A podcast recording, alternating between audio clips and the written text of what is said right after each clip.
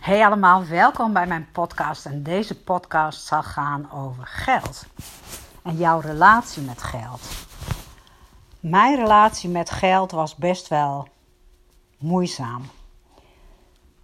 Ik ben opgegroeid met een enorm tekort altijd. Er was altijd een tekort bij ons. Of tenminste, misschien was dat niet echt zo, maar het werd wel gecommuniceerd. En ik ben even mijn familiegeschiedenis ingedoken. En nu bleek dat mijn grootmoeder, naar wie ik vernoemd ben, ben. En ze zeggen wel eens: als je vernoemd bent naar iemand, dan is naamsverbinding is lotsverbinding. Mijn grootmoeder is geboren bij een rijke herenboer. dat was in die tijd nog zo, zo noemden ze dat. Zij was enigst kind en had het heel goed. En toen trouwde zij met mijn paken. En mijn paken, die was arbeider. Eigenlijk was dat dus niet een goede partij voor haar. Maar goed, liefde die uh, gaat zijn eigen weg. En daar ben ik ook best wel heel trots op dat mijn Beppe dat deed. Zij ging toch trouwen met mijn paken. Achteraf bleek dat hij astmatisch was. En hij werkte bij een boer. En uiteindelijk kon hij het boerenwerk niet volhouden in verband met zijn astma. Hij was allergisch voor, voor de dieren. En ja, als hij dan regelmatig astma had, en het benauwd had, dan kon hij niet werken. Toen hebben mijn Paken en Beppe, mijn opa en oma, die hebben geld gekregen van beide ouders. En toen hebben ze een manufacturierenwinkel opgestart. En dat mislukte. Ja, hoe kan je nou iets opstarten waar je totaal geen verstand van hebt? Maar goed, ik vond het ook wel heel stoer dat ze dat toch probeerden. Ze probeerden toch een nieuwe bron van inkomsten te zoeken. Maar zij gingen failliet. En mijn vader is dus opgegroeid met een tekort. Want zij gingen naar een huisje van de kerk, kwamen ze dan. zo'n diaconaal huisje. En ze hadden een uitzicht op een muur. Ze kwamen vanuit een vrijstand iets en ze gingen uh, naar zo'n arbeiderswoningje. En ja, dat was natuurlijk verschrikkelijk. En mijn beppe raakte ook nog weer zwanger van de tweede. En toen zei mijn paken tegen mijn schoonmoeder van, nou ja, ik vind het erg voor mevrouw dat ze nu twee van die kleintjes heeft en het huis is al zo klein. Kun jij ook voor die oudste zorgen? En zijn schoonmoeder had net haar man verloren, dus mijn overgrootvader. En die vond het natuurlijk wel heel leuk om een kind te mogen opvoeden. Of om een kind om zich heen te hebben. Dus mijn vader heeft ook altijd best wel een leegte opgevuld bij haar. En hij heeft het daar niet erg makkelijk gehad. Financieel had hij het prima, maar toch uh, had hij daar niet makkelijk. En hij werd natuurlijk vanaf zijn vijfde uit huis geplaatst. En hij mocht één keer per week naar zijn eigen ouders toe. En er kwam een nieuw kindje. Dus als je je daar eens in probeert te verplaatsen, dan kan er ook een vorm van jaloezie geweest zijn. Hè? Mag dat, dat nieuwe kindje wel bij mijn ouders zijn en ik niet? Hoe ben ik het wel waard? Mijn vader heeft dus van jongs af aan ervaren dat er een angst voor tekort kan zijn en wat dat dan ook met mensen doet. Dus als je niet genoeg geld hebt, ja, dan kan je zelfs uit huis worden geplaatst. Dus ja, als je arm bent, dan kan er iets vreselijks gebeuren. En ja, dat heeft mijn vader ook wel een beetje overgedragen op ons. En ik had dan ook een, een relatie met geld van, nou, geld is vies of zo. En mijn vader zei dan ook vaak, ja, mensen die heel veel geld hebben, die zijn daar niet eerlijk aangekomen. Nu ik dat objectief bekijk, denk ik natuurlijk, ja, dat is zijn frustratie geweest. Want hij had ook winkels en hij heeft het eigenlijk nergens gered. Uh, dus hij is ook, heeft ook heel erg te maken gehad met tekorten. En ook wel te maken gehad met mensen met veel geld. Die hem misschien ja, op een bepaalde manier uh, niet met respect hebben benaderd of oneerlijk hebben behandeld.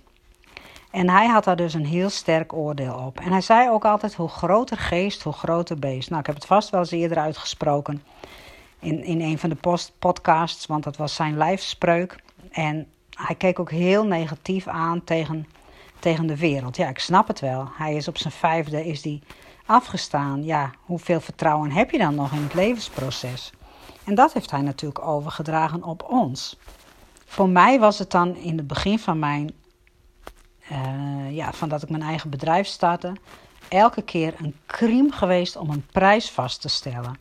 En nu heb ik gewoon vaste prijzen, dus dat is ideaal. Maar ook vind ik het nog heel lastig om mijn prijs aan iemand, tegen iemand te zeggen. Maar eigenlijk betalen ze niet precies voor mijn product, maar ze betalen voor mijn tijd. En dat is natuurlijk met mijn online programma's niet zo, maar ook wel. Want als je weet hoeveel tijd erin steekt om een online programma te maken en hoeveel kennis van hoeveel jaren daarin zitten, dan is dat natuurlijk gigantisch. En je tijd is het enige wat je niet terug kan krijgen.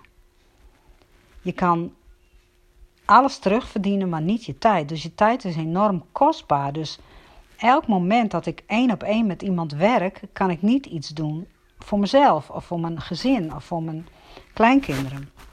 En mijn tijd is natuurlijk beperkt. Ik ben nu 61 en nou ja, je weet ook niet hoeveel jaar je nog te gaan hebt. Nou ben ik gisteren dus uh, gevallen met mijn fiets. Ja, ik denk, shit, als ik een elektrische fiets had gehad, was ik misschien een kopje onder gegaan. En wie weet wat er dan was gebeurd. En het is een fractie van een seconde waarin je leven totaal kan veranderen. En dat heb ik natuurlijk ook gemerkt met mijn hernia. Van de ene op de andere dag kon ik niks meer. En ook dus niet groepen draaien. Dus ook geen inkomsten vergaren. Dus ja, bij mij zit daar ook best wel iets op. En ook de angst voor tekort. Nu belde vanmorgen een vriendin van mij en die was in een boek begonnen dat ze al, al heel lang in de kast had staan. En ze zei tegen mij: Ik heb een mooie oefening over geld. En deze oefening die wil ik heel graag met jullie delen, want het was voor mij een eye-opener. Hoewel ik het al steeds makkelijker vind hoor, om gewoon geld te vragen, omdat ik weet dat mensen ook uh, mijn tijd kopen en mijn tijd is ontzettend kostbaar. Want ik hou van het leven en van ieder moment dat ik heb om te leven, maar ook van de momenten die ik heb met mijn kinderen en kleinkinderen. Dus mijn tijd is kostbaar, dus ik durf ook meer te vragen nu, zonder ook me schuldig te voelen. Wel betrap ik mezelf er soms op dat ik het nog lastig vind om het te benoemen of om in een webinar een aanbod te doen. Dat vind ik best wel lastig. Van dan denk ik van ja, eh, ben ik het wel waard om zoveel geld te vragen? Nou, zo zit er dus nog steeds wel een dingetje op geld. En ik wil met jullie een oefening doen. Ik zou je willen vragen om drie zinnetjes op te schrijven waarin het woord geld voorkomt. En dat kan natuurlijk van alles zijn. En het is wel belangrijk dat je dat eerst doet voordat je verder luistert. Dus schrijf drie zinnetjes op waarin het woord geld voorkomt. Bijvoorbeeld, ik ben bang voor een tekort, voor geld tekort. Het woord moet er wel in zitten. Of ik ben niet goed genoeg, heb ik ook veel gehad om veel geld te vragen. Of bijvoorbeeld, ja, ik zou het heerlijk vinden om heel veel geld uh, te hebben, zodat ik uh, ja, rustig kan leven. Dus schrijf voor jou drie zinnetjes op die met geld te maken hebben. En zet deze podcast even op pauze. En denk er even rustig over na, dan kom ik zo bij je terug. Als het goed is, heb je mij op pauze gezet en heb je de drie zinnetjes nu op papier staan. En dan gaan we de oefening doen. We gaan in iedere zin het woordje geld vervangen door kracht.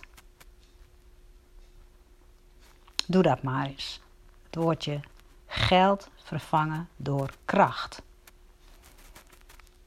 Dus in mijn eerste voorbeeld, ik ben bang voor geldtekort, komt er dan te staan, ik ben bang voor krachttekort.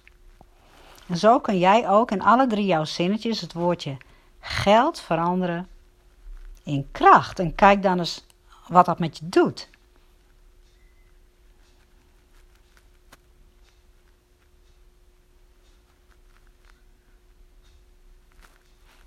Als je dat hebt gedaan, dan ga je het woordje geld en kracht vervangen door liefde. Dus in mijn eerste zinnetje, ik ben bang voor geldtekort. Ik ben bang voor een liefdetekort, dus voor een tekort aan liefde. En zo vul jij dat ook bij alle drie jouw zinnetjes in.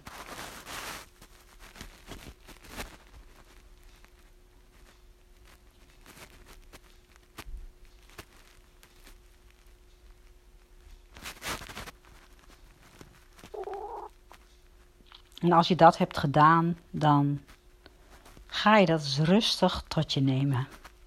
En kijk eens hoe dit resoneert bij jou. En dat er dus onder geld daadwerkelijk iets kan zitten van een tekort aan kracht of liefde. En misschien is dat wel datgene dat onder het geld ligt. Een behoefte aan kracht en liefde. Ik ben benieuwd hoe het is voor jou om deze oefening te doen. En mocht je even willen reageren, stuur me dan even een mailtje naar info.sonjaswart.nl. Dat zou ik heel leuk vinden. En tot de volgende podcast.